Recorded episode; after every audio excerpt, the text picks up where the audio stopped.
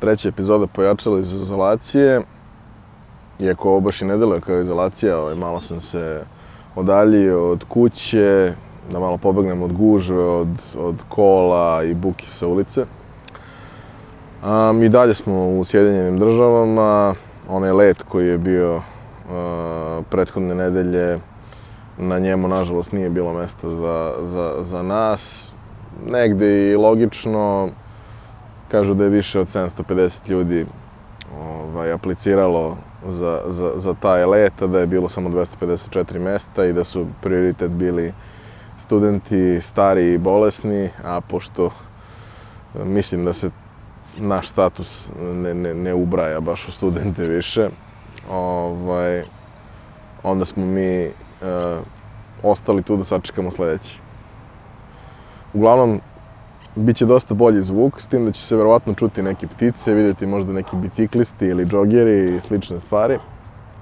Ovaj, a sa temama nastavljamo kao što smo i do sad. Znači, to su suštinski pa neke malo tabu teme u, u, u našem poslovanju.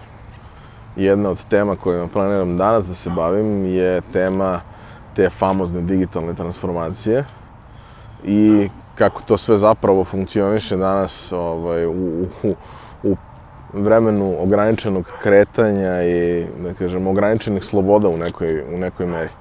A, kao što vidite, ja sam i dalje u Dečko car majicama, ovog puta u žutoj majici na žutoj stolici iz žute trake. Ovaj, žutoj majici koja na sebi ima hobotnicu koja ne, neodoljivo podsjeća na, na ovaj, crteže koronavirusa, ali dobro, mislim, to je samo slučajnost. A, zašto, zašto hoću da pričam o digitalnoj transformaciji? Pa, a, ovaj period a, koji je za nama je donao nekoliko jako dobrih stvari i donao nekoliko a, stvari koje možda oslikavaju u suštini naš mentalitet i razloge zašto nam je u životu tako kako nam je, možda. Te neke dobre stvari koje su se desile, svi oni ljudi koji su godinama nam pričali da nešto ne može bez pečata, ličnog prisustva i tako dalje, sad su naglo shvatili da može. Ovaj, iako i do sada u suštini svako od nas ko je hteo da ispravlja krive drine i bori se za to, uglavnom je mogao da postigne krajnji rezultat da da istera to na svoje jer je zakon bio na našoj strani, većina ljudi prosto za to nije imala živaca i vremena. A i živaca i manje više, to može bude zabava, neko, ima ljudi koji vole takve stvari. Ali, mislim, niko nije imao vremena da se bavi time, da se ono, 20 puta prepisuje tamo i nazad sa nekim da bi dokazao da, da nešto nije potrebno. Onda prosto odeš fizički gde treba, poneseš pečat, lupiš pečat, znam i neke koji su pravili pečate ono sa bubamarama samo da bi rekli da imaju pečat i to je to. E, što se tiče tih ljudi, ja kapiram da oni sad kući grickaju noktema, da to baš nije dobro ovaj, za, u periodu koronavirusa, ali zede kući grickaju nokte i kunu sudbinu što sve te neke divne stvari na koje su oni navikli više ne postoje i sigurno neće postojati kada se vrate na posao. Znate, to su oni ljudi kojima je glavni argument za sve u, u svakoj raspravi, mi to tako radimo već 30 godina. Pa okej, okay, možda je došlo vreme da se tu nešto promeni. E, a druga stvar, kažemo ta negativna koja se pojavila, a, to je možda s jedne strane, dakle, mentalitetska stvar, sa druge strane mislim da, da ima malo veze i sa e, nama IT-evcima u, u, u celoj toj priči. A na šta konkretno mislim? Pa, a, već godinama postoji e, ta cela priča o, o, o tome kako sva preduzeća treba digitalno da se transformišu, da se digitalizuju i tako dalje, što ima, da kažemo, i neko uporište u realnosti, ali preduslov za to je da, da ta preduzeća imaju nekakav benefit od toga što će uraditi. Dakle, ne digitalizacija, digitalizacija radi, nego digitalizacija radi boljeg poslovnog rezultata. I sad imamo tu situaciju ovaj, da se u, u prethodnih 15 dana, kako su zatvorene pijace, pojavilo bukvalno na desetine sajtova na kojima se izlistavaju podaci proizvođača i nudi se mogućnost direktnog kontakta sa proizvođačima koji će vršiti, da kažemo, besplatnu dostavu svojih a, proizvoda na teritoriji da li Beograda, da li Srbije ili nekog grada u Srbiji, u suštini nije bitno.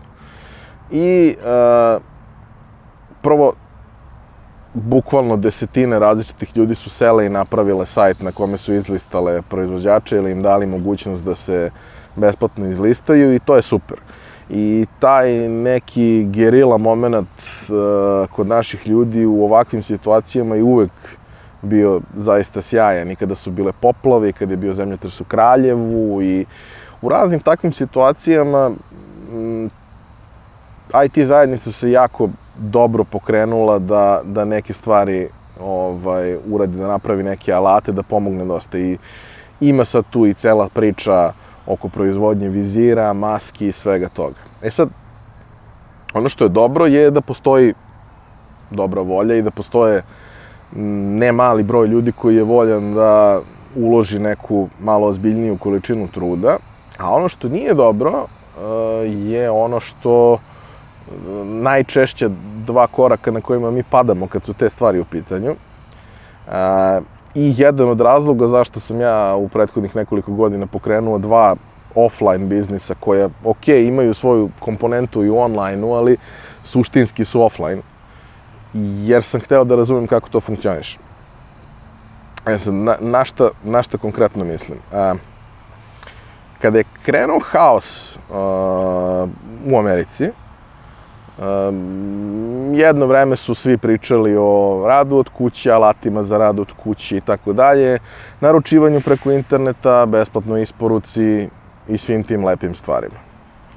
I neko vreme je ta cela priča oko e-komerca koji je ovde u suštini za većinu ljudi default i prosto uh, kad ti treba produžni kabel, ti ne odeš u prodavnicu da kupiš produžni kabel, nego isklikćeš na Amazonu i dobit ćeš ga sutradan. E sad, e, ono što, što e, je u jednom trenutku postalo vrlo bitna tema i jako mi je drago da je neko to pokrenuo i naravno uvek ovaj, postoje i nekakvi dobri novinari koji takve teme pokrenu, a to je ko su zapravo ti heroji koji čine ceo taj e-commerce mogući. I u ovom konkretnom slučaju postoji tu nekoliko, da kažem, zanimanja koja su bitna, ali jedno koje je najvažnije su kamionđije. Jer u Americi postoji 2 miliona kamionđija. A, sve to što mi isklikćemo negde, a, a nalazi se na faktički teritoriji jednog kontinenta, zahvaljujući njima i njihovom vrednom radu, dovoljno brzo stigne do nas. Da, okej, okay, neke stvari naravno se hendluju u avionima, posebno vredne stvari svakako između dve jako udaljene lokacije putuju avionima, nekad direktno, nekad iz nekoliko hopova, ali u suštini i taj avion kad sleti, da bi to na kraju došlo do nas, prođe nekoliko kamiona kroz to. Dakle, jedan koji odveze to do skladišta, drugi koji odveze od skladišta do razvoznog centra i na kraju najmanji od njih koji to na kraju razveze kod nas. Dakle, kamioni su veoma bitni. Druga stvar koja je veoma bitna je, uh, ok, u nekim slučajevima, u slučaju Amazona i njihovog skladišta, a ne prodaje se isključivo roba koja je u njihovim skladištima, ali u slučaju njihovog skladišta uh, ta jedna komponenta ljudi možda jeste eliminisana jer taj deo posla rade roboti, ali u svim ostalim ti isklikćeš nešto negde isklikćeš na internetu, ja mnogo volim da klikćem na internetu i ti isklikćeš nešto na internetu i to neko mora da spakuje. Neko mora da se pozabavi time da to spakuje, na pravi način označi, otpremi gde treba. To, to je posao koji neko mora da uradi. Ista priča kao i sa, da kažemo, fizičkim prodavnicama, gde prosto neko mora da dođe i da napuni te rafove.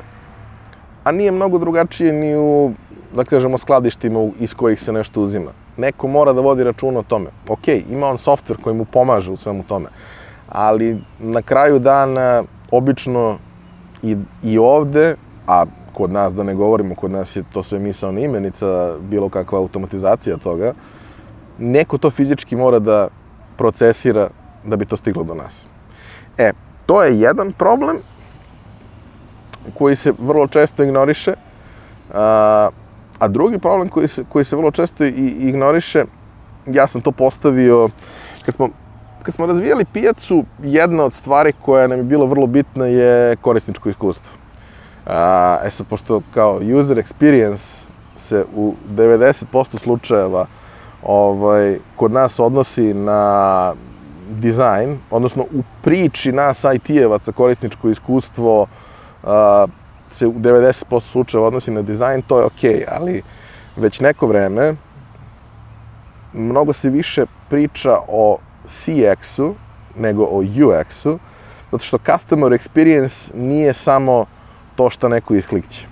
Odnosno, da se preciznije izrazim, a, user experience našeg kupca na pijaci nije e, da li je sajt lep, da li se brzo učitava, da li ima sve namirnice koje želi. To jeste jedna komponenta koja je vrlo važna u celoj priči, ali najvažnija komponenta je da taj dostavljač koji dostavlja bude pristojan, da to što je naručeno bude i isporučeno u roku u kome je obećano ovaj, i da prosto cela, ceo taj deo interakcije koji nema veze sa internetom bude urađen na pravi način. E, to je user experience. I to je izazov. To je izazov rešiti. E, zašto to kažem? Zato što pijaca ima negde oko 350 artikala u svakom trenutku. A, neki artikli su sezonski, neki su tu cele godine. Ono što od prvog dana pokušavamo je da za većinu artikala za koje je to moguće, imamo male lokalne dobavljače koji proizvode zaista visoko kvalitetne, preukusne i zdrave artikle. Tako da ako kupujete luk, krompir, paradajz i slične stvari, da, oni su iz Srbije. Ne pišemo možda poreklo odakle, zato što se to menja kroz vreme i kroz dostupnost uh, tih artikala, jer količine koje, koje zapravo prodajemo uopšte nisu male. Naravno, ako naručujete pomoranđe, banane i, i, i, i limunove, oni su od uvoznika, jer kod nas baš i nije popularno da se gaje, ovaj, iako znam neke slučajeve. Ali to je u suštini uh, jedna prilično kompleksna priča u kojoj desetine i stotine dobavljača treba iskoordinisati na pravi način da neko ko naruči večeras, sutra u toku dana dobije isporuku svega što je naručio. E sad, a, mogu da vam kažem da e, rad sa fizičkim licima, mi smo radili sa firmama i sa fizičkim licima, rad sa fizičkim licima je neuporedivo zahtevniji iz razloga što prosto mnogo je raznovrsnije ono što, što oni naručuju. I ako neko naruči a bilo je slučajeva i sa više, ali ajde da, da uzmemo neke, da kažemo, relativno optimalne slučajeve, ako neko naruči 20 artikala, postoji solidna šansa da možda neki od njih neće biti dostupan u količini koju on želi i kvalitetu koju on želi. I ako takvih porožbina ima 50 dnevno, to i vrlo ozbiljno komplikuje stvari. A porožbina ima i više od 50 i artikala vrlo često ima više od 20. Dakle, e, nije stvar u tome napraviti sajt i postaviti kontakte i sve će samo da se desi, jer ništa neće samo da se desi. A, za ovih četiri godine mi smo imali nekoliko vrlo pozitivnih primera a, sajtova i firmi koji su pokušavali da rade sličnu stvar kao i mi. Jedna od njih je recimo bila fokusirana na organske proizvode i pre četiri godine je uradila veoma kvalitetan um, sistem za naručivanje od, direktno od dobavljača organskih proizvoda u Srbiji, ali je e, promašila jednu vrlo bitnu komponentu. A, a ta komponenta se zove srpski seljak. A srpski seljak nije navikao da se bavi customer experience. Mislim, ima raznih slučajeva, naravno, ne treba, ne treba generalizovati na taj način, ali u suštini, uh, nije baš navikao da se toliko cima oko pojedinačnih poručbina i oko ljudi. On, ako se i bavi nekom ozbiljnijom proizvodnjom, on to izveze jednom nedeljno negde, veliku količinu i očekuje da je proda za taj dan i neće da se bavi time da pakuje jedno, dva, tri paketa, da bi to stiglo negde na vreme i ljudi su bili nezadovoljni i tu je nastao problem. Drugi problem je što da bi naručio ono što ti treba, e, kada odeš na pijacu, ti svratiš na 15 tezgi i kupiš ono što ti treba. Sada umesto da svratiš na 15 tezgi, treba od 15 ljudi pojedinačno da naručiš te stvari i da sačekaš kurire ili da sačekaš da ti oni to isporuče i sve. ok, kad sediš kući u u vreme e, izolacije i karantina, to je možda i moguće, ali u realnim okolnostima životnim, ako se ikad vrate, to teško da će biti moguće. E, zato sve te stvari treba pojednostaviti koliko god je to moguće. A, jedan čuveni srpski zet ovaj, sa vrlo neobičnom frizurom je svojevremeno rekao e, stvari treba da budu najjednostavnije moguće, ali ne i jednostavnije od toga pitanju je Albert Einstein, a mislim, zašto je to baš tako rekao? Pa zato što ako je jednostavnije od toga, onda nije moguće, a valjda bi bio prvi uslov to da, da, da stvari budu izvodljive i da budu moguće. E sad, uh, vi koji me pratite dugo, ovaj, koji me pratite i privatno, uh, imali ste priliku možda u prethodnih mesec dana da ispratite taj neki moj uh, improvizovani dnevnik putovanja na ovaj, Facebooku. I jedna od stvari koju sam rekao nekoliko puta je da je Amazon najbolja kompanija na svetu. I neću sad nešto mnogo da, da objašnjavam to, ali postoje dva vrlo konkretna razloga zašto sam to naglasio.